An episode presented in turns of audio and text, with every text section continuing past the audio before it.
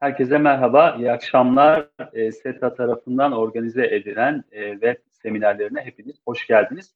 E, bu akşam e, Orta Doğu'da, Orta Doğu'nun güvenliğini e, konuşacağız. Orta Doğu'nun güvenliğini özellikle korona salgını e, sonrasında e, Orta Doğu'yla ilgili nasıl bir e, süreç e, bizi bekliyor? E, daha çok bu konulara odaklanacağız. E, yaklaşık 35-40 dakikalık bir konuşmanın ardından eğer soru ve e, sorularınız olursa, merak ettiğiniz konular olursa e, cevaplamaya elimden geldiğince çalışacağım. E, inşallah e, faydalı bir e, tartışma olur, faydalı bir e, seminer olur şimdiden. E, tabii konumuz e, Orta Doğu'da güvenliğin değişen karakteri. Yani Orta Doğu güvenliği nasıl şekillendi? Özellikle son 10 yıllık gibi e, bir e, süre e, değerlendirildiğinde Orta Doğu'da muazzam değişiklikler söz konusu oldu.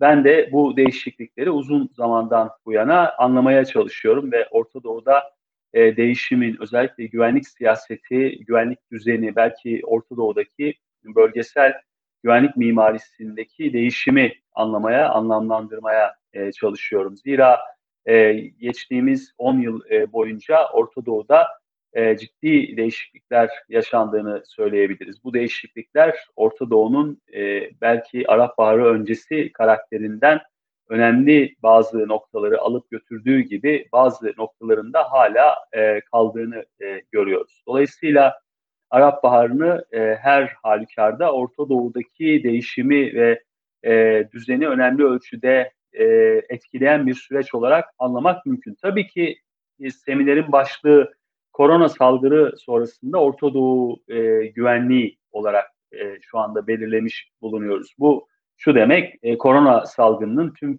tıpkı tüm e, dünyada üzerinde tartışıldığı gibi özellikle de küresel siyasette e, ortaya çıkardığı etki bağlamında düşünüldüğünde mutlaka korona salgınının Orta Doğu'da, Orta Doğu düzeninde e, büyük ölçüde e, Orta Doğu'nun güvenlik mimarisinde de bazı etkiler ortaya çıkaracağını veya bazı değişimin, bazı dönüşümün, dönüşüm alanlarının korona salgınıyla e, birlikte korona sonrasında hızlanabileceğini söyleyebiliriz. Küresel ölçekte bakıldığında üç temel eğilimin olduğunu görüyoruz aslında. Dünya siyasetini e, nasıl değiştireceğine yönelik tartışmalar yapılırken üç temel eğilimin e, olduğunu rahatlıkla söyleyebiliriz.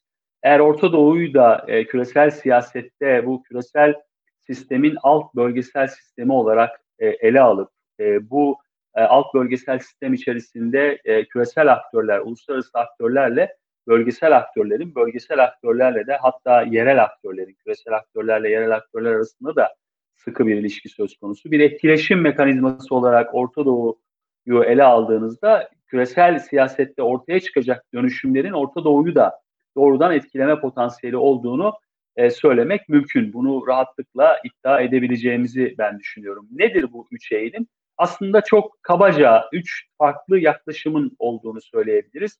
Bir tarafta değişimi e, korona virüsüyle, korona salgılıyla e, birlikte e, değişimin e, gerçekten uluslararası siyasette yeni bir durum ortaya çıkaracak bir sonuçla sonuçlanacağını iddia eden bir kategori var. Yani bunlar korona e, salgınının e, özellikle uluslararası siyasette büyük bir değişim ortaya çıkaracağını, güç dağılımında, uluslararası ekonomik rekabette, devletlerin cari güç statülerinde korona sonrası dönemde yeni bir durum ortaya çıkacak. Bu dünya düzeninin en önemli ayaklarından bir tanesi güç dağılımı. Yani uluslararası sistem içerisinde e, aktörler arasındaki aktörlerin sahip oldukları güçlere e, bağlı olarak değişen güç dağılımı meselesi.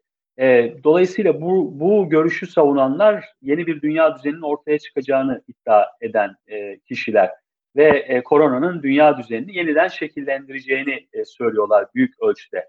Bunun karşısında belki duran ve ikinci pozisyonu oluşturan e, e, düşünce biçimi ise tam tersini aslında savunuyor ve koronanın e, dünya düzenini değiştirme konusunda e, bize gerekli e, araçları göstermediğini, gerekli sonuçları da üretmeyeceğini iddia ediyor. Bu aslında hakikaten önemli çünkü küresel siyasetin özellikle 500 yıllık tarihine bakıldığında dünya düzeni perspektifinden bu son 500 yıllık perspektifine bakıldığında gerçekten de salgınların ki bu salgınlar bugünkü rakamların çok çok daha fazla üzerinde olmasına rağmen e, bu salgınların e, dünya düzenini e, özellikle bu güç dağılımı, küresel ekonomi, e, küresel düzeni oluşturan kurumlar açısından da çok fazla değiştirmediğini bize söylüyor hakikaten.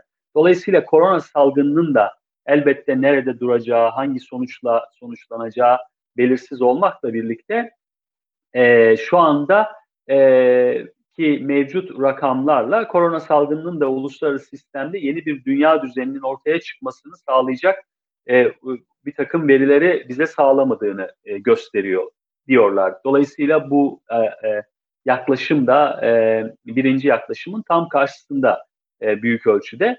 Üçüncü bir pozisyon var. Aslında bu pozisyon ikisinin arasında bir pozisyon. Yani ne yeni bir dünya düzeni doğacak e, ne de bu düzen olduğu gibi gidecek. Ama korona e, salgını büyük ölçüde mevcut dünya düzeni içerisindeki ağı, ilişkiler ağını, aktörlerin pozisyonunu, aktörlerin birbirlerine olan pozisyonlarını, aktörlerin meselelere özellikle uluslararası siyasetteki güvenlik meselelerine olan yaklaşımları büyük oranda değiştireceğini söylüyor. Yani çok basit bir örnek vermek gerekirse dün ve bir, birkaç gündür Trump'ın Güney Kore ile ilgili söylediği laflar aslında buna çok güzel bir örnek. Güney Kore aslında Amerika Birleşik Devletleri'nin e, geleneksel müttefiklerinden bir tanesi ve e, özellikle Asya siyasetinde de e, hem Kore eksenine hem de Çin eksenine yönelik bir e, e, unsur olarak Amerika Birleşik Devletleri için e, müttefikliği önemli olan bir ülke. Ama bu müttefikliğin Amerikan askerlerinin orada bulunmasının Amerika'ya oluşturacağı maliyeti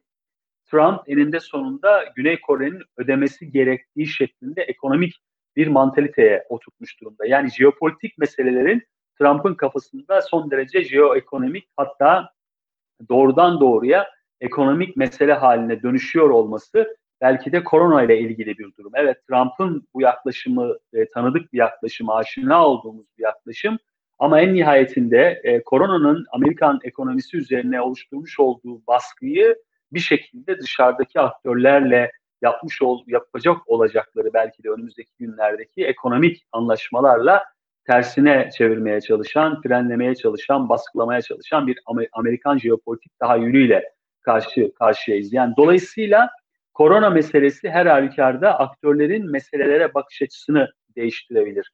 Örneğin e, Amerika Birleşik Devletleri'nin Orta Doğu'ya yönelik angajman seviyesinde yeni bir durum ortaya çıkarabilir. İkinci, üçüncü kategorideki kişiler bu nedenle ne yeni dünya düzenini e, oluşmasına vesile olacak ne de e, e, diğer birinci tez gibi yaklaşmak yerine bazı e, noktalarda küresel siyasetin ana eksenlerini, ana sütunlarını hızlandıracak, bunlara ciddi bir ivme kazandıracak şeklinde bir yaklaşıma sahip olduğunu görüyoruz. Dolayısıyla bu üç bakış açısından hangisini tercih edersiniz? Bu üç bakış açısında ya da önümüzdeki süreçte hangisi gerçekleşecek? Yeni bir dünya düzeni mi ortaya çıkacak? E, ve e, bu anlamda e, Amerika Birleşik Devletleri'nin küresel liderliğinden ciddi bir e, e, değişim yaşanmak suretiyle başka bir küresel lider mi ortaya çıkaracak? Bu Çin mi olacak yoksa Amerikan gücü e, yavaşlayacak, gerileyecek ve dünya e, belki de e, daha e, güçsüz olan aktörlerin istediği şekilde çok kutuplu bir hale mi dönüşecek? Dolayısıyla bunları önümüzdeki süreçte hep e, büyük ihtimalle görmüş olacağız.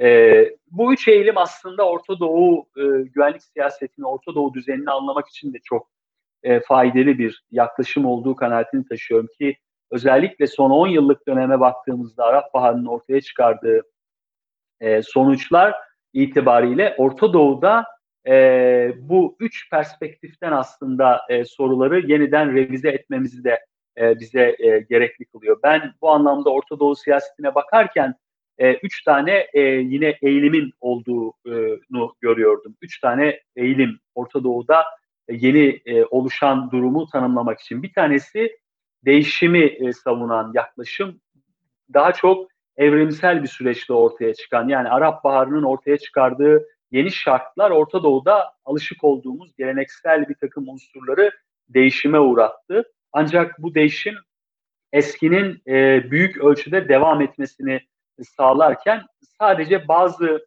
yeni karakterler kattı, bazı yeni oyuncular kattı. Dolayısıyla bilindik Orta Doğu hala aynı şekilde devam ediyor. Evrimsel bir süreç, çok tedrici bir şekilde ortaya çıkan bir süreç.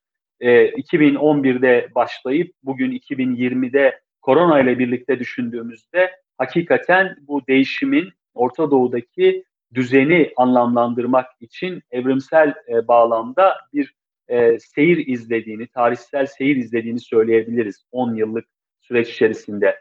Dolayısıyla bu bir soru, bu, bu sorunun cevaplanması gerekiyor. İkinci, bence yaklaşım yine çok önemli. O da e, daha dinamik bir sürece atıf yapan ve doğrudan dönüşümü aslında e, anlamaya, okumaya çalışan bir yaklaşım. Orta Doğu'da bir değişimden daha fazla bir durum olduğunu ifade eden bir yaklaşım biçimi bu.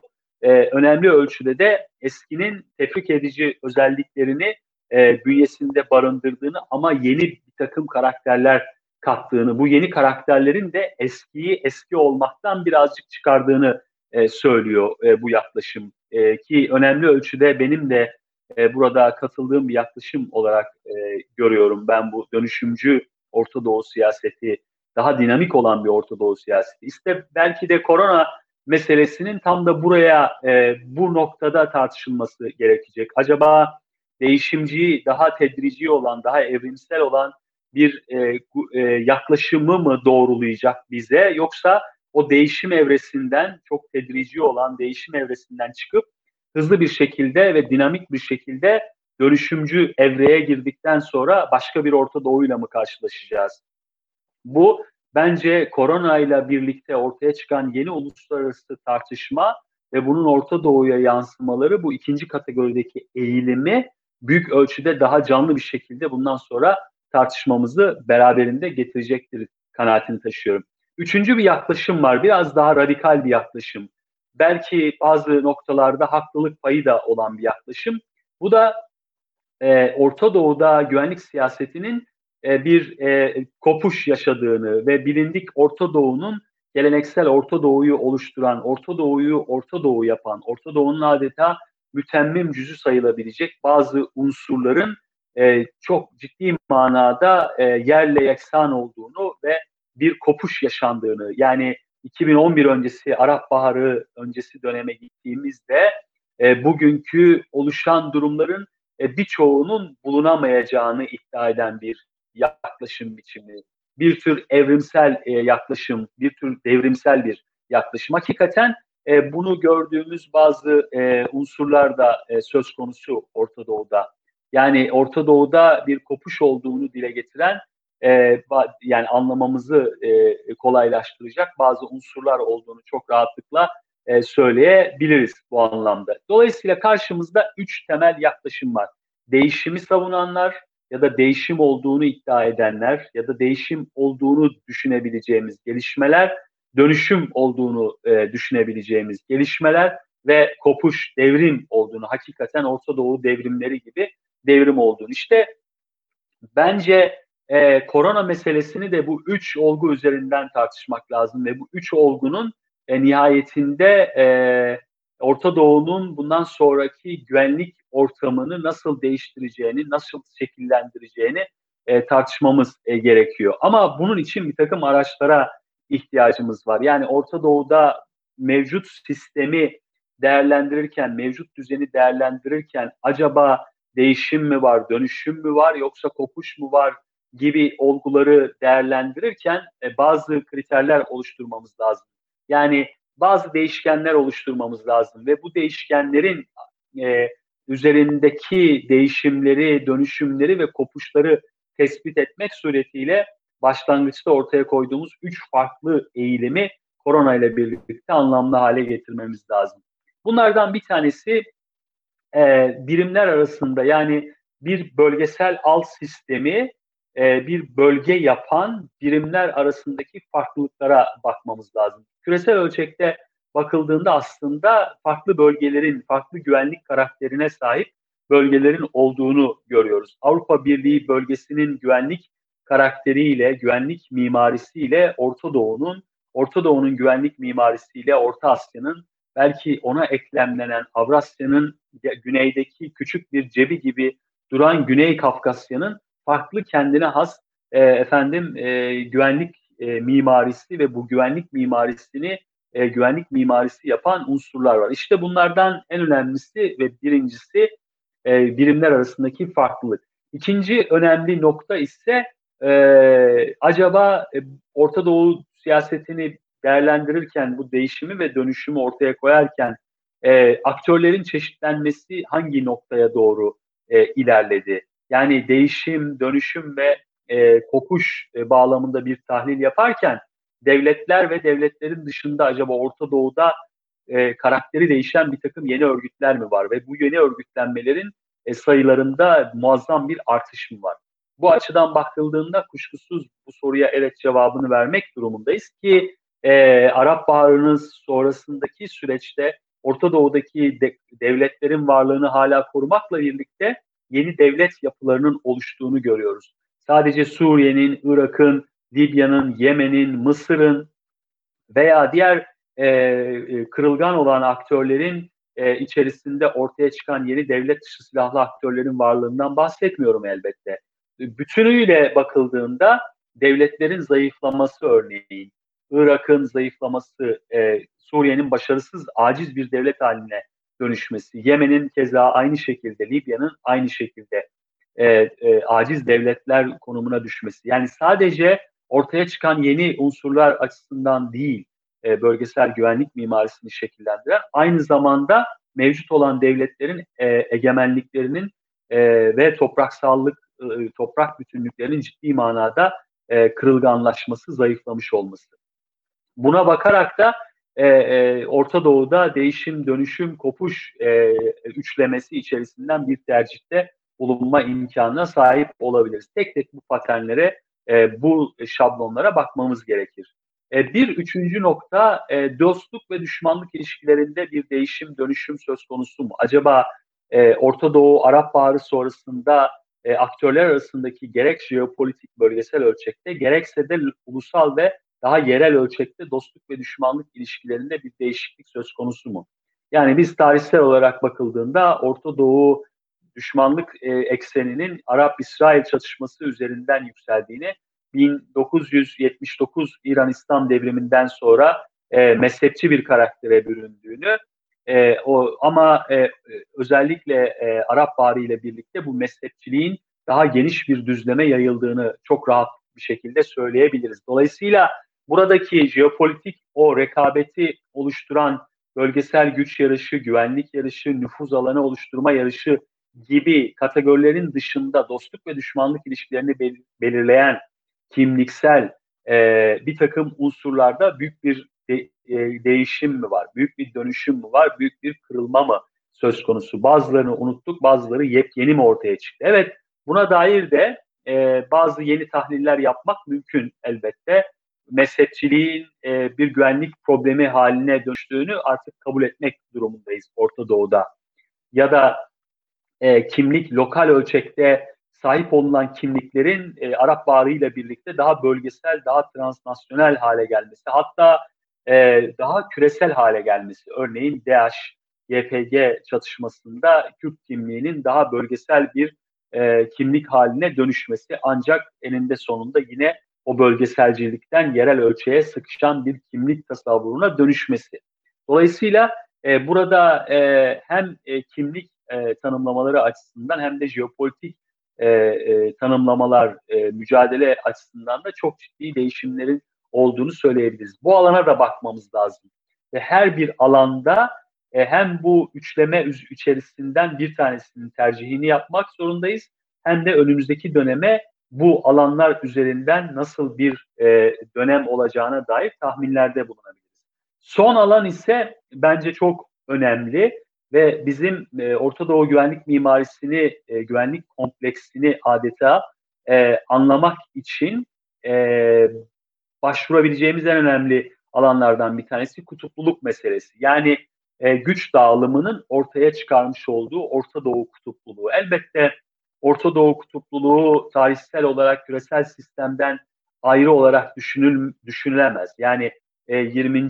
yüzyılın ilk çeyreğinden başlamak suretiyle Orta Doğu küresel jeopolitik mücadelenin hep adeta merkezinde olmuş Osmanlı'nın yıkılma sürecinde yani son 10 yılında Fransız-İngiliz rekabeti, daha sonrasında Fransız-İngiliz Amerika rekabetinden Amerikan eksenli bir bölge siyasetine oradan da özellikle Soğuk Savaş döneminde Amerika e, Sovyetler Birliği rekabeti ekseninde Amerika'nın daha yukarı çıktığı e, adeta bir bölgesel e, politika, bölgesel düzen inşa edilmiş. E, dolayısıyla e, bu kutupluluk meselesini tartışırken sadece Orta Doğu'daki güçlerin kendi aralarındaki güç dengesine bakmak yeterli olmayacaktır. Benim için genellikle Orta Doğu güç hesaplaması yaparken beş tane majör aktör olarak tarif edebileceğimiz yani beş tane büyük aktör olarak tarif edebileceğimiz güçlere bakılması gerektiğini düşünüyorum. Türkiye, İran, Mısır, Suudi Arabistan ve İsrail. Bunlar aslında bölgedeki kutupluluğu belirliyor. Ama bunlar tek başlarına belirlemiyorlar bölgedeki kutupluluğu. E, küresel jeopolitik mücadelenin Orta Doğu ekseni çok daha güçlü olduğu için her zaman dış aktörü bölgeye çeken veya dış aktörün doğrudan doğruya bölgeye infiltre olduğu, doğrudan doğruya nüfuz olduğu, nüfuz ettiği bir e, mesele söz konusu. O yüzden Orta Doğu nasıl bir Orta Doğu bundan sonra olacak? Bu güç dağılımıyla e, doğrudan alakalı olduğunu söyleyebiliriz. Peki biz bugün itibariyle e, Orta Doğu'da yeni olan bölgesel güvenliğin yeni olma halini anlamlandırırken e, nelerin e, acaba değiştiğini söyleyebiliriz Arap Baharı sonrasında ve bundan sonra acaba korona ile birlikte koronanın ortaya çıkardığı e, yeni sonuçlarla birlikte e, bu alanlarda çok daha büyük kırılmalar yaşanacak mı? E, burada ilk belki de e, bakılması gereken hususlardan bir tanesi sınırların e, sorunsallaştırılması. Yani e, Orta Doğu'daki e, sınır kavramının sadece bir kavram olarak değil, fonksiyon itibariyle de e, ciddi bir baskıyla karşı karşıya kaldığını söyleyebiliriz. Bu baskının hem dışarıdan yapıldığını hem de içeriden yapıldığını biliyoruz. Yani e, hem yeni revizyonist aktörler yeni sınır tahayyülü ortaya çıkarmaya çalışıyorlar e, e, IŞİD bunlardan bir tanesiydi. E, YPG, PYD bunlardan bir tanesiydi. E, özellikle Suriye ekseninde. Yine Irak ekseninde Kuzey Irak Bölgesel Kürt Yönetimi'nin ortaya çıkardığı, başlattığı süreç yine sınırları aynı zamanda alttan yukarıya doğru sorgulanmasını beraberinde getirdi. Yine ikinci bir eksen sınırların dışarıdan gelen baskılarla belki de süreçlerle e, sorgulanmaya başlaması. İşte 2000'li yılların başından itibaren Pentagon'un yeni haritasından yani o bağlamda ortaya koyulmuş eserlerden 2014 yılındaki Orta Doğu'daki 5 ülkenin nasıl 14 ülkeye e, e, ya da 5 ülkenin nasıl 14 ülkeye dönüşeceğini yani Suudi Arabistan'ın, Irak'ın, Suriye'nin, Libya'nın, Yemen'in bölünmesiyle ortaya 14 tane yeni ülke çıkacak. Dolayısıyla e, bu tartışmalar her zaman vardı. Pratik siyasete çok fazla döküldü ama çok da fazla başarılı olmadı. Bir başka eksen yine sınırlar bağlamında Orta Doğu'da ki bundan sonra çok da fazla olacaktır. Bu sınırlar arası geçişkenlik meselesi e, önemli ölçüde sekteye uğradı. Belki Arap Baharı'nın ilk evrelerinde Suriye krizi bağlamında e, bu çok daha fazla yaşanmıştı ama sonrasında artık devletler e, hem tehditleri bertaraf etmek için hem de kendilerini korumak için kendilerini belirli sınırların içerisine hapsetmek durumunda kaldılar. Türkiye bu açıdan çok çarpıcı bir örneği bence sunmaktadır. 2011 yılına kadar bölgeselcilik asabiyesi son derece sert olan, son derece güçlü olan ve bunu ulusal ölçekten bölgesel ölçeğe doğru yayabilen e, bir aktör konumundayken Türkiye maalesef Suriye'deki krizin derinleşmesiyle birlikte e, kendi sınırlarına, Suriye sınırlarına e, sınır duvarları örmek zorunda kaldı. Elbette bunun çok ciddi gerekçeleri söz konusuydu ve Türkiye'yi birçok noktada e, korudu. Birçok noktada Türkiye'ye yönelik güvenlik tehditlerini minimize etti. Ancak bu sınır olgusu e, e, 2011 öncesi bölgesel ölçekte sınırların kaldırılması üzerine inşa edilmeye çalışan paradigmanın iflas etmesini beraberinde getirdi. Yani bu paradigma çöktü. Bugün bakıldığında e, bütün aktörlerin kendi sınırlarına yani tellerle örülü sınırlara duvar örmek suretiyle kalınlaştırdıklarını e, görüyoruz. Yani sınır güvenliği paradigması e, Orta Doğu'da Arap Baharı'nın getirdiği en önemli sonuçlardan bir tanesi. İkinci bence en önemli değişim ekseni, dönüşüm ve kopuş eksenini görebileceğimiz konulardan bir tanesi de egemenlik konusu. Egemenliğin kuşkusuz e, efendim içe bakan yönü çok daha önemli, dışa bakan yönü de elbette var ama egemenliklerin hızlı biçimde parçalandığını gördük. Arap Baharı ile birlikte DAEŞ'ın, YPG'nin ortaya çıkması, devlet dışı aktörlerin sayılarında %53 oranında bir artış ortaya çıktı. Bu son derece ciddi bir rakam. Bütün aktörler adeta devlet dışı silahlı aktörlerle, terör örgütleriyle, milis kuvvetleriyle baş etmek zorunda kaldı. Dolayısıyla e, e, bu anlamda egemenliğin parçalandığını, fragmente olduğunu, hibrit yeni egemenliklerin ortaya çıktığını e, görmüş olduk. Küçük küçük lokal alanlarda e, devlet e, iddiasında bulunan onlarca farklı aktörler çıktı.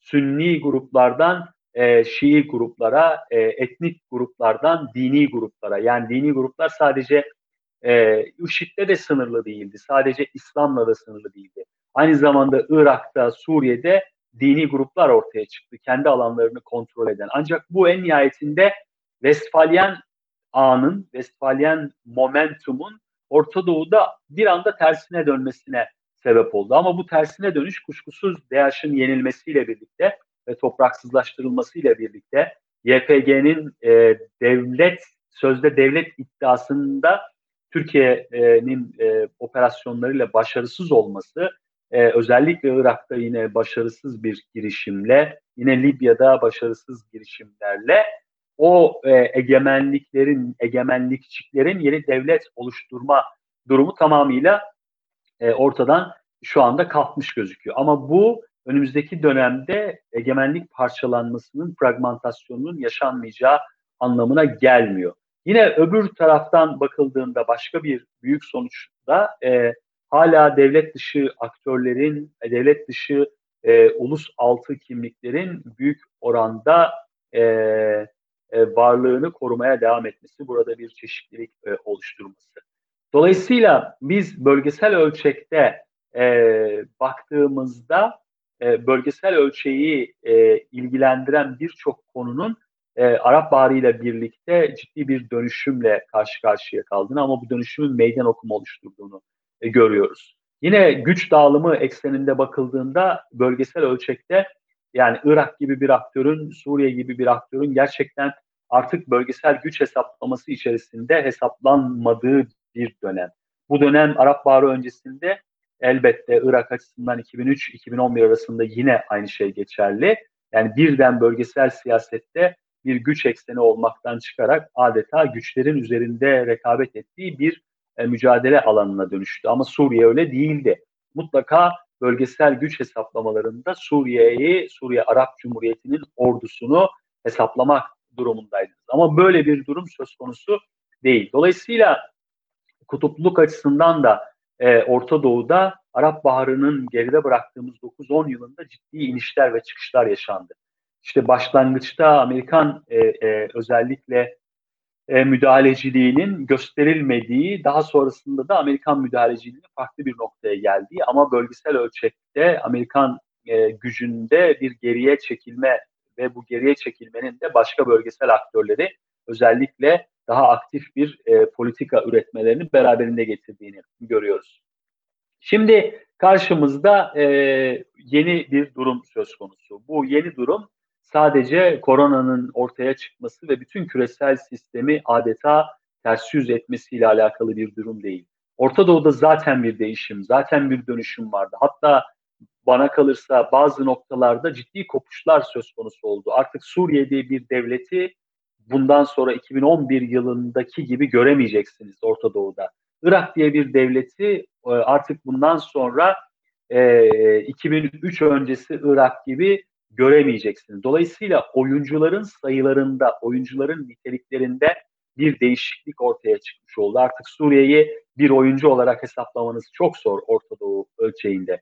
Şimdi e, karşılaştığımız temel husus korona meselesinin bu süreçleri, bu bütün bizim jeopolitik ekseninde tartıştığımız, askeri konular ekseninde tartıştığımız, güvenlik siyaseti, güvenlik stratejileri ekseninde tanıştığımız bütün meseleleri hızlandıracak olması. İşte tam da tarihin bu anında e, koronanın böyle bir e, durum ortaya çıkaracağını e, görüyoruz. Ama bölgenin e, dönüşümüyle ilgili olarak, bundan sonrasıyla ilgili olarak e, karşımızda korona dışı meseleler hala varlığını sürdürüyor ve korona dışı meseleler ama korona salgınıyla koronanın bize gösterdiği bazı unsurlarla birlikte düşünmekte fayda var. Terörizm bunlardan e, bir tanesi. Terörizm Orta Doğu güvenlik siyasetinin, güvenlik ortamının nereye doğru evrileceğini gösterebilme e, kabiliyeti alan alanlardan bir tanesi. Elbette son yıllarda terörizm e, indekslerine bakıldığında Orta Doğu'daki ülkelerin terörizm indeksleri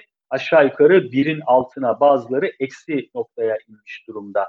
Sıralamada e, Orta Doğu'dan herhangi bir ülke şu anda yok. Hala Afganistan bir sırada gözüküyor. Orta Doğu'daki evet saldırılar devam etmesine rağmen farklı ülkelerde IŞİD veya başka PKK eksenli terör saldırıları bunların sistemik etki ortaya çıkarması şimdilik çok fazla e, gözükmüyor. O yüzden e, küresel e, e, terörizm e, data e, verileri, veri e, e, ölçümleri bağlamında Orta Doğu'daki sıralamaya baktığımızda Orta Doğu'daki ülkelerin artık giderek 2, 3, 4. sıralara indiğini e, söyleyebiliriz. Ama bu terörizmin Orta Doğu'nun geleceğinde yeni bir güvensizlik alanı oluşturmasının e, için bir e, engel olmadığını bize göstermiyor. İkinci bence önemli alan bundan sonra korona ile birlikte düşünmemiz gereken e, devletler arası jeostratejik rekabet. Bu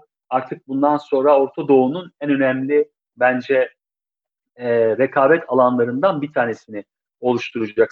Zaten bu rekabet çok sert bir şekilde yaşanıyordu. Zaten çok derin bir rekabet söz konusuydu devletler arasında bu rekabetin bir e, uzlaşmaya doğru gitme ihtimalinin e, çatışmaya doğru gitme ihtimalinden çok daha az olduğu kanaatini taşıyorum ben. Yani çatışma olasılığı rekabetin çatışma olasılığına dönüşme ihtimali her zamankinden çok daha fazla. Koronanın hatta böylesi bir e, rekabet e, sürecinde e, efendim e, fırsat bile oluşturduğunu söyleyebiliriz. Ö- üçüncüsü e, bence bu e, çok e, korona ile doğrudan alakalı devlet içi çatışma eksenleri. Korona bize şunu gösterdi.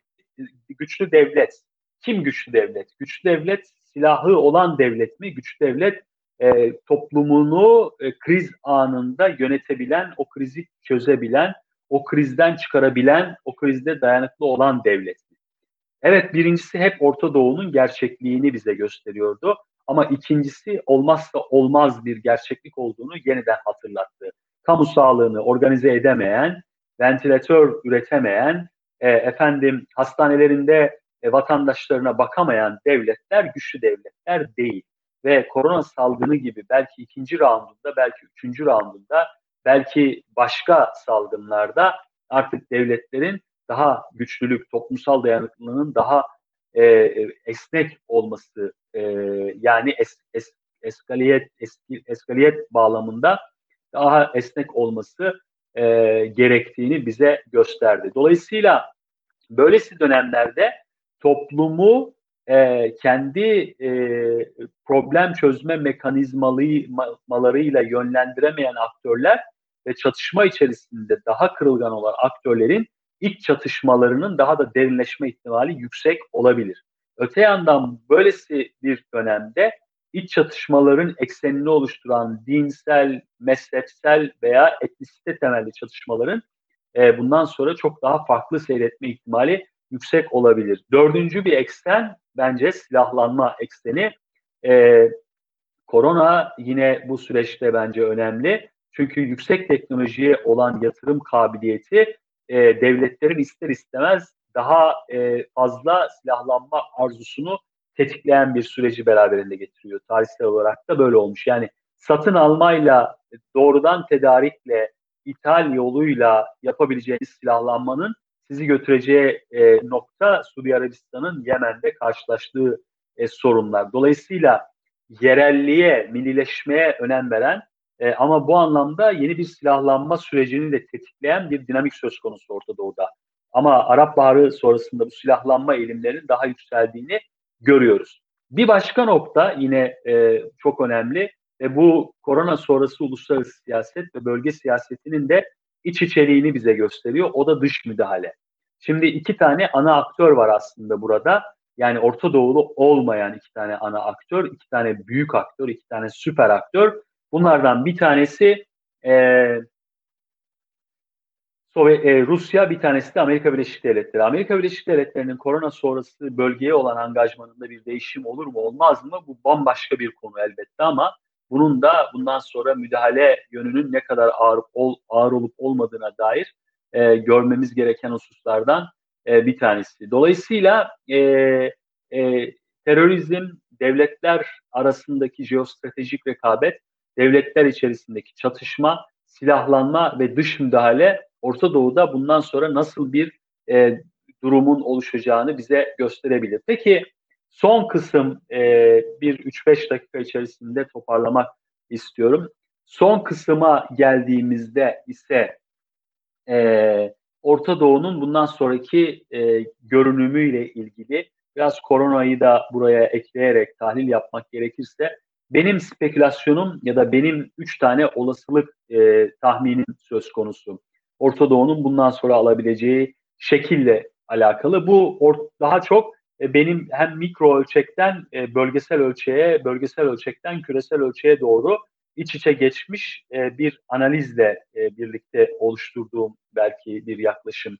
Birincisi tek kutuplu Orta Doğu. Bu aslında küresel siyasetin bundan sonra nasıl bir yapı, nasıl bir kutupluluğa dönüşeceğiyle ilgili bir şey. Soğuk Savaş'ın bitiminden sonra küresel siyaset Amerikan ekseninde tek kutupluluğa dönmüştü. Ancak bu tek kutupluluk zamanla e, bir taraftan Çin'in yükselmesi, diğer taraftan Rusya'nın kendi gücünü yeniden toparlayıp aktif bir siyaset izlemesi ve ile birlikte büyük ölçüde Amerika Birleşik Devletleri'nin tek kutupluluğu 2015'li yıllarda e, büyük oranda sona erdi ve yeni bir e, süreç başladı. Artık e, yeni süreç içerisinde e, elbette küresel siyasetin e, çok kutuplu mu olacağı yoksa Amerika-Çin ekseninde iki kutupluluğa doğru mu yöneleceği önemli bir soru. Her ikisini savunanlar da var. Yani e, çok kutupluluğun e, yükselişe geçeceğini, Amerika Birleşik Devletleri'nin o e, düşüş e, trendinin devam edeceğini ama Amerika Birleşik Devletleri'nin önümüzdeki e, belki onlu yıllarda bu güç e, e, elinde tuttuğu gücü e, eritmesinin pek mümkün olmadığı. Tabii ki elbette burada bazı bilinmez diye tarif edebileceğimiz hususlar var. Amerika'da korona yüzünden 50 milyon insan ölür. Efendim e, İtalya ikiye bölünür siyasi kargaşa nedeniyle e, gibi bu tür beklenmedik. İngiltere'de 30 milyon insan hayatını kaybederse evet o zaman bütün siyaseti ve bütün kutupluluk meselesini yeniden tartışmak durumunda kalırız. Ama böylesi bir durumun şu anda olmayacağını varsaymak durumundayız ya da olmayacağını söyleyebiliriz. Dolayısıyla uluslararası sistem acaba tek kutuplu mu olacak, e, yeniden çok kutupluğa mı dönecek veya iki kutupluluğa dönüşebilir mi? Veya başka bir alternatif e, tek merkezli çok kutupluluk. Yani Amerikan e, gücü e, hala varlığını koruyor ama bunun altında bir çok kutupluluk, tek merkezli çok kutupluluk olabilir mi? Dolayısıyla bu bizim Orta Doğu'daki tartışmayı da yapmamızı beraberinde getirebilir. Orta Doğu'da da bir tek kutupluluk olabilir mi? Bu spekülasyonlardan bir tanesi bu. Üç, ikincisi e, çok kutuplu e, dünya meselesi. Yani çok kutuplu dünya doğrudan Orta Doğu'da çok kutupluluk olarak da e, dönüşebilir ama çok kutuplu bir Orta Doğu'yu da yine spekülasyonlarımız arasında yer alabilir. E, bu da e, güç dağılımının e, iki veya daha fazla devlet arasında dağılması, eşit hale gelmesi, aşağı yukarı bir güç dengesi siyasetinin oluşması ve bu güç dengesi siyaseti oluşturan aktörlerin e, askeri, ekonomik ve e, stratejik konularda etki etme e, kabiliyetlerinin olması. Üçüncü bir ihtimal ise gelecek açısından kutupsuz bir Orta Doğu. Şimdi e, baktığımızda peki bunlardan hangisi olası olabilir? E, tek kutupluluk e, olabilir mi? E, korona ile birlikte de birleştirmek lazım. Aktif bir Amerika Birleşik Devletleri'nin yeniden Orta Doğu'ya dönmesi. Yani deniz aşırı bir dengeleme siyasetinden vazgeçip e, bölgesel ölçekteki yeniden ortaya çıkan e, cari güç dengesini e, bozmak isteyebilir. Kendisi yeniden bölge siyaseti içerisine dönmek ve aktif bir angajmana girmek isteyebilir. Bu Amerika Birleşik Devletleri ekseninde çok kutuplu bir Orta Doğu'nun, pardon tek kutuplu bir Orta Doğu'nun oluşmasını e, beraberinde getirebilir. Bu olasılık e, diğer olasılıklarla karşılaştırıldığında daha güçlü bir olasılık. Peki e, aktif bir Rusya ekseninde Orta Doğu tek kutupluluğa e, ulaşabilir mi? Bunun olası olduğunu ben pek zannetmiyorum. Rusya'nın mevcut gücünün, mevcut e, gücünün, askeri gücünün, kaba askeri gücünün e, siyasi, e, ekonomik ve norm oluşturabilecek e, ve özellikle de bir rejim oluşturabilecek Orta Doğu'da kapasitesi olduğunu düşünmüyorum. Uluslararası alanda da yok. Rusya e, bir askeri güç ama Rusya zayıf bir ekonomik güç. O yüzden tek kutuplu bir e, Orta Doğu'nun Rusya ekseninde oluşması pek mümkün değil.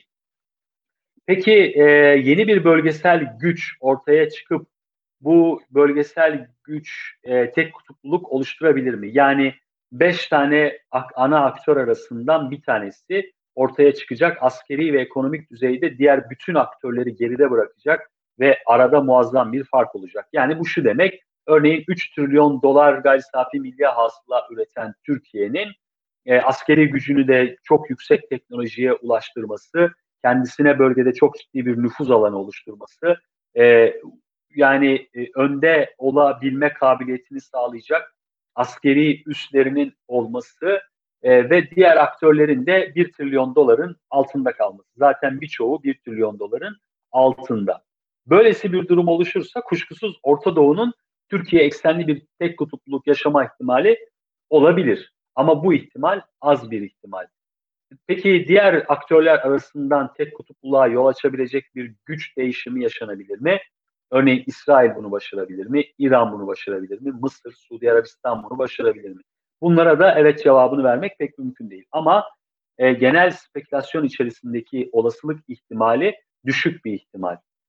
Peki çok kutuplu bir Orta Doğu mümkün mü? Amerika Birleşik Devletleri korona sonrasında Orta Doğu ile ilgili yeni bir stratejik yaklaşım benimserse veya Amerika Birleşik Devletleri'nde önümüzdeki dönemde yapılacak başkanlık seçiminde demokratların başa gelmesi sonrasında Orta Doğu'ya yönelik daha farklı bir siyasi angajman, daha stratejik yaklaşımlarda değişim söz konusu olursa e, belki Orta Doğu'da e, Amerika Birleşik Devletleri'nin neden olabileceği, yönlendirebileceği birçok kutupluluk ortaya çıkabilir. Ama Amerika Birleşik Devletleri'nin çekilme trendi sürerse o zaman Orta Doğu çok kutuplu bir yapıya bürünebilir ve Orta Doğu Amerika sonrası Orta Doğu diye tabir ettiğimiz e, bir noktaya doğru kendisini e, e, dönüşürken bulabilir. Burada bölgesel aktörlerin Türkiye, Suudi Arabistan, e, Mısır, İran ve İsrail gibi aktörler arasında e, bir güç dengesi ulaşacağını ancak bu güç dengesinin güvenlik rekabetinin ve güç rekabetinin çok yüksek seviyelere çıkacağını, bu rekabet içerisinde aktörler başarabilirlerse şayet e, bir tür e, etki alanı oluşturabileceğini ancak böylesi bir Orta Doğu'nun daha e, göreceli e, olarak yani diğer e, e, e, belki e, ihtimallerle karşılaştırıldığında çok kutupluluğun güç rekabetinin ve güvenlik rekabetinin yüksek olmasına rağmen istikrar getirebileceğini çok rahatlıkla söyleyebiliriz. Peki son ihtimal nedir? Son ihtimalde kutupsuz bir Orta Doğu. Bu kutupsuz Orta Doğu bölgesel güçlerle yeni e, küçük devletçiklerin, yeni terör örgütlerinin, yeni devlet dışı silahlı aktörlerin, proxy, vekil güçlerin, e, bir takım milis kuvvetlerinin adeta cirit attığı karmaşanın, kaosun, e, ayrı yani rekabetin çok son derece sert olduğu e, çatışma merkezli, istikrarsız ve hayatta kalmak için güvenlik prensibinin adeta her gün devreye sokulduğu bir Orta Doğu. Böylesi bir Orta Doğu yani kutupsuz bir Orta Doğu olası mı? Böylesi bir olasılık olmakla birlikte bunun daha zayıf bir ihtimal olduğunu ancak böylesi bir dönemin yaşanabilmesi için korona gibi beklenmedik hadiselerin Orta Doğu'daki devlet yapılarını çok daha fazla zayıflatarak onları çatışmanın içerisinden başka bir çatışmaya sürükleyip en azından iki büyük aktör arasında ciddi bir kafa kafaya konvansiyonel bir savaşın olması durumunda gerçekleşebileceğini ben düşünüyorum. Onun dışında Orta Doğu'nun e, e, kutupsuz bir yapıya doğru bürünmesinin çok mümkün olmadığını ama majör aktörlerden, büyük aktörlerden bazılarında e, efendim e, bir e, çatışma söz konusu olursa, geleneksel bir e, savaş durumu e, gündeme gelirse o zaman Orta Doğu'da e, böylesi bir e, durumun oluşma ihtimalinin son derece yüksek olduğunu e, söyleyebiliriz. Şimdi e, ben e, özetlemek gerekirse Orta Doğu güvenlik siyasetinin değişimini anlamaya, açıklamaya çalıştım bu seminerde.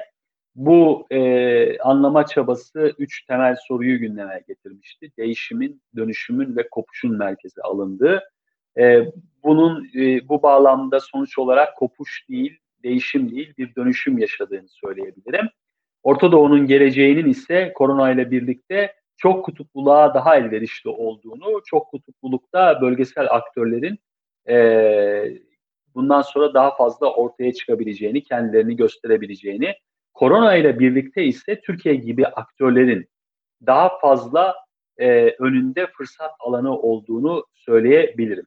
Yani bu pozisyon, bu fırsat alanı Türkiye gibi aktörlerde ekonomik güçle ve askeri güçle tahkim edilebildiği ölçüde Orta Doğu'da Türkiye'nin daha fazla kendini e, belirgin hale getirdiği müstakil bir güç e, e, pozisyonu ortaya çıkabilir. E, bu bağlamda bu e, fırsatın ihtimali yüksek olduğunu söyleyerek e, burada ben konuşmamı isterseniz bitireyim.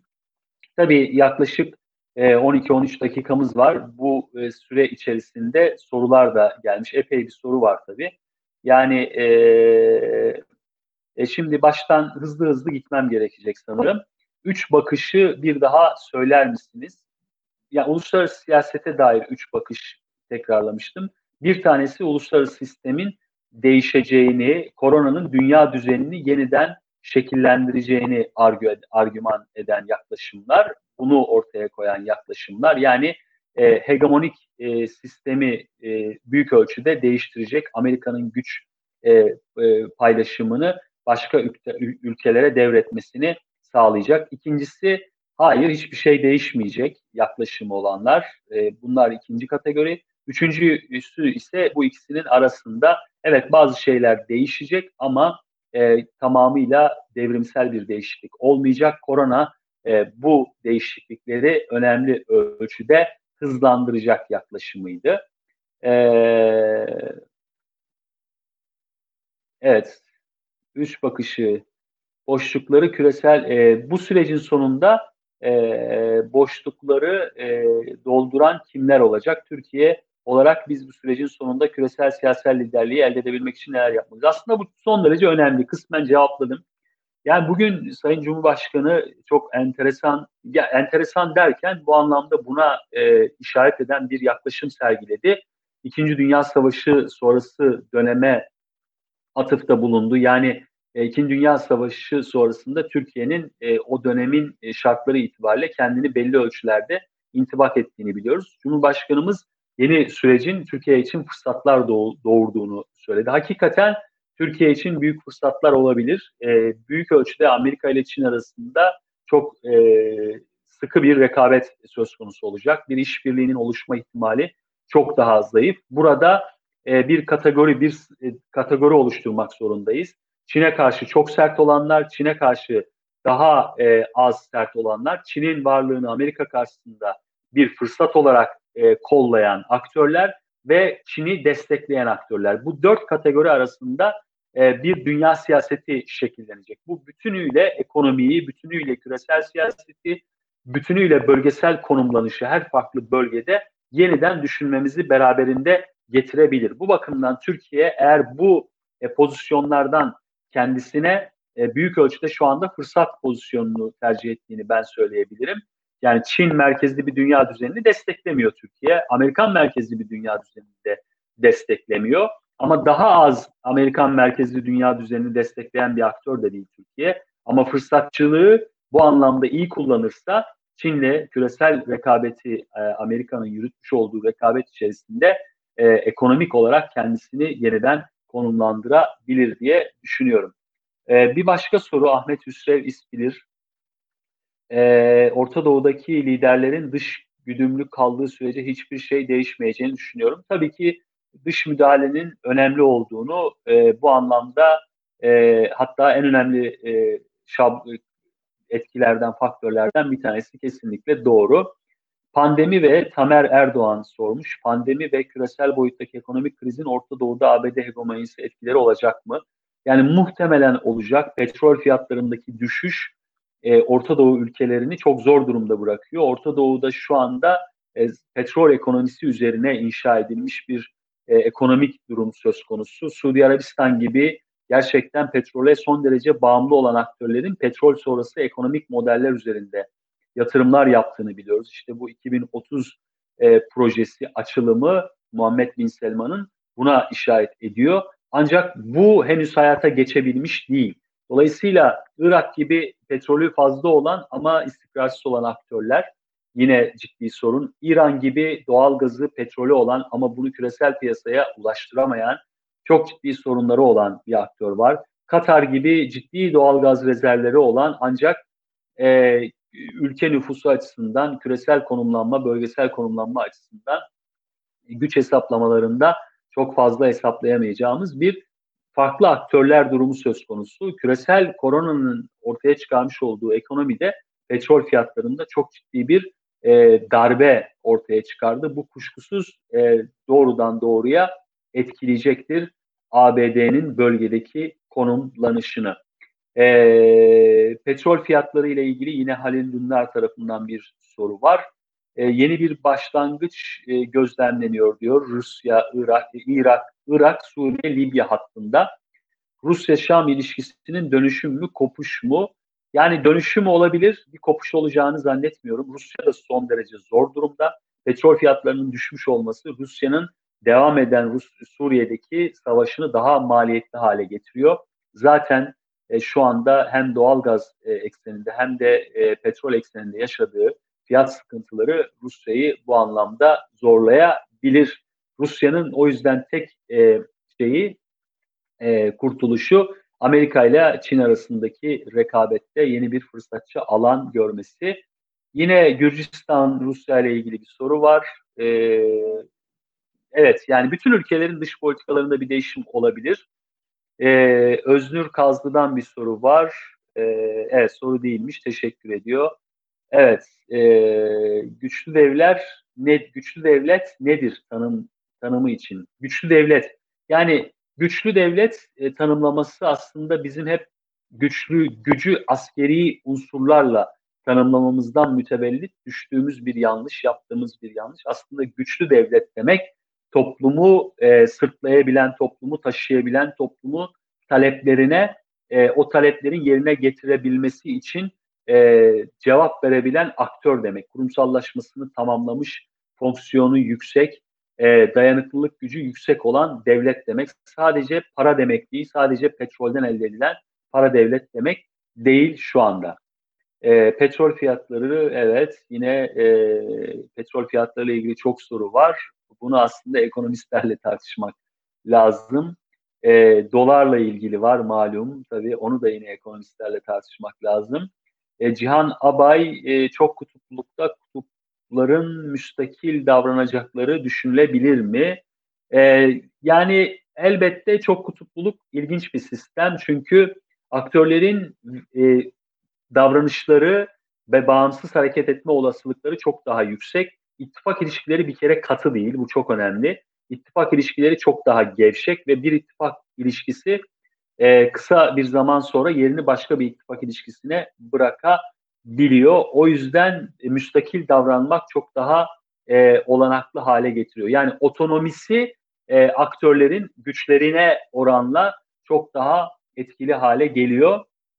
Mehmet Ceren önemli bir soru sormuş. Çin'in Orta Doğu'ya etkisi olabilir mi? Şu aşamada e, Orta Doğu ile ilgili Çin'in e, politikasının e, Batı'yı çok fazla ürkütmek noktasında olmadığını, e, sadece ekonomik alanda bazı yatırımlarının olduğunu, siyasi eksene çok fazla müdahil etmediğini ama Körfez'den başlamak suretiyle Körfez'in giderek Asyalılaşmasının Çin'i de Orta Doğu'ya bir oyuncu olarak, e, siyasi bir oyuncu olarak bu sefer, askeri bir oyuncu olarak gelmesi pek mümkün gözükmüyor yakın vadede. Ama işte bu küresel e, e, dizilim e, nasıl olacak bununla da alakalı bir şey. E, virüsle ilgili yine Çin'le ilgili çok soru var. Yani evet çok soru tabii Çin'in, e, Türkiye'nin Çin'e yaptırım uygulaması böyle bir şey demiyorum. E, Çin Körfez ülkeleri ilişkileri cevapladık onu. Tamer Erdoğan 155 milyar dolar kısa ve uzun vadeli borcumuz var. Merkez Bankası rezervleri 55 milyar. Dış borcumuz doları temin ederek ödeyebiliriz. Talep edilen şeyin değeri artar. Evet farklı görüşler de söz konusu. Petrol fiyatları yine var. Evet, yani başarısız devlet olmanın şartları değişir mi? Hurşit e, Bey sormuş. E, bu anlamda tabii ki değişebilir. Yani korona salgınıyla mücadele etmede zorluk yaşayan aktörlerin e, zaten çatışmadan dolayı kontrol edemediği toprağını bu sebeple e, insanlarını yönetememesi dolayısıyla yeni bir e, başarısız devlet kriteri sağlık olarak kesinlikle bu saatten sonra koyulması lazım. Şevket Bey, Mısır ve Körfez'de rejim, rejim değişikliğine yol açabilecek yeni bir halk hareketleri ortaya çıkar mı? Bunlar hep olası şeyler. E, Mısır'da yine e, gerginliklerin olduğunu biliyoruz. Ekonomisi çok kötü.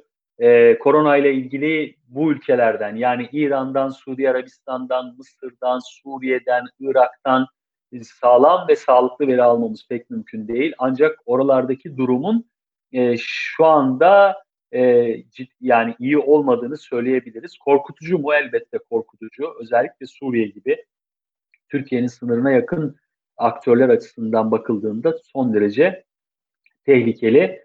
Aziz Bey, İran'ın yaşadığı e, Covid olumsuz olaylar sonucu Orta Doğu politikalarında değişik olabilir mi? Olabilir. Bunu tabii ki e, oy, yani Covid'in e, büyük bir oyuncu olduğunu ama bu oyuncuyu tarif edemediğimizi, nereye koyacağımızı tam olarak bilemediğimizi söyleyebiliriz. Yeni bir şey bu. Yani dünya tarihinde çok salgın oldu. Çok salgınlar çok fazla insanın hayatını kaybetmesine neden oldu. Ancak e, bu durumun yeni bazı sorunlara yol açma ihtimali son derece e, yüksek. Adile e, Alkan sormuş, pandemi sonrası Orta Doğu'da çatışma daha da artar mı? E, bu pandeminin nerede e, sonuçlanacağını, pandeminin nerede duracağıyla ilgili bir husus. Pandemi mevcut tahminler bağlamında iyi e, ya da iyi senaryoyla biterse, yani bir dalga dalgayla biterse evet o zaman ciddi sorunlara yol açmaz. Kötü sonuçlar, kötü tahminler ortaya çıkarsa yani e, insanların hayatını kaybettiği ama milyonları bulmadığı, ekonomilerin belli bir süre zarar gördüğü ama ondan sonra bir yıllık bir dönemde iyileşmenin mümkün olduğu bu kötü senaryo. Bunda da çok fazla artmayabilir. Sadece çatışmanın riski artar. Ama çok kötü senaryo gerçekleşirse bu şu demek ikinci dalga, üçüncü dalga, ekonomik kapanma, petrol fiyatları, siyasi istikrarsızlık ve kaotik bir ortam. Evet o zaman e, herkesin herkese karşı savaşta olduğu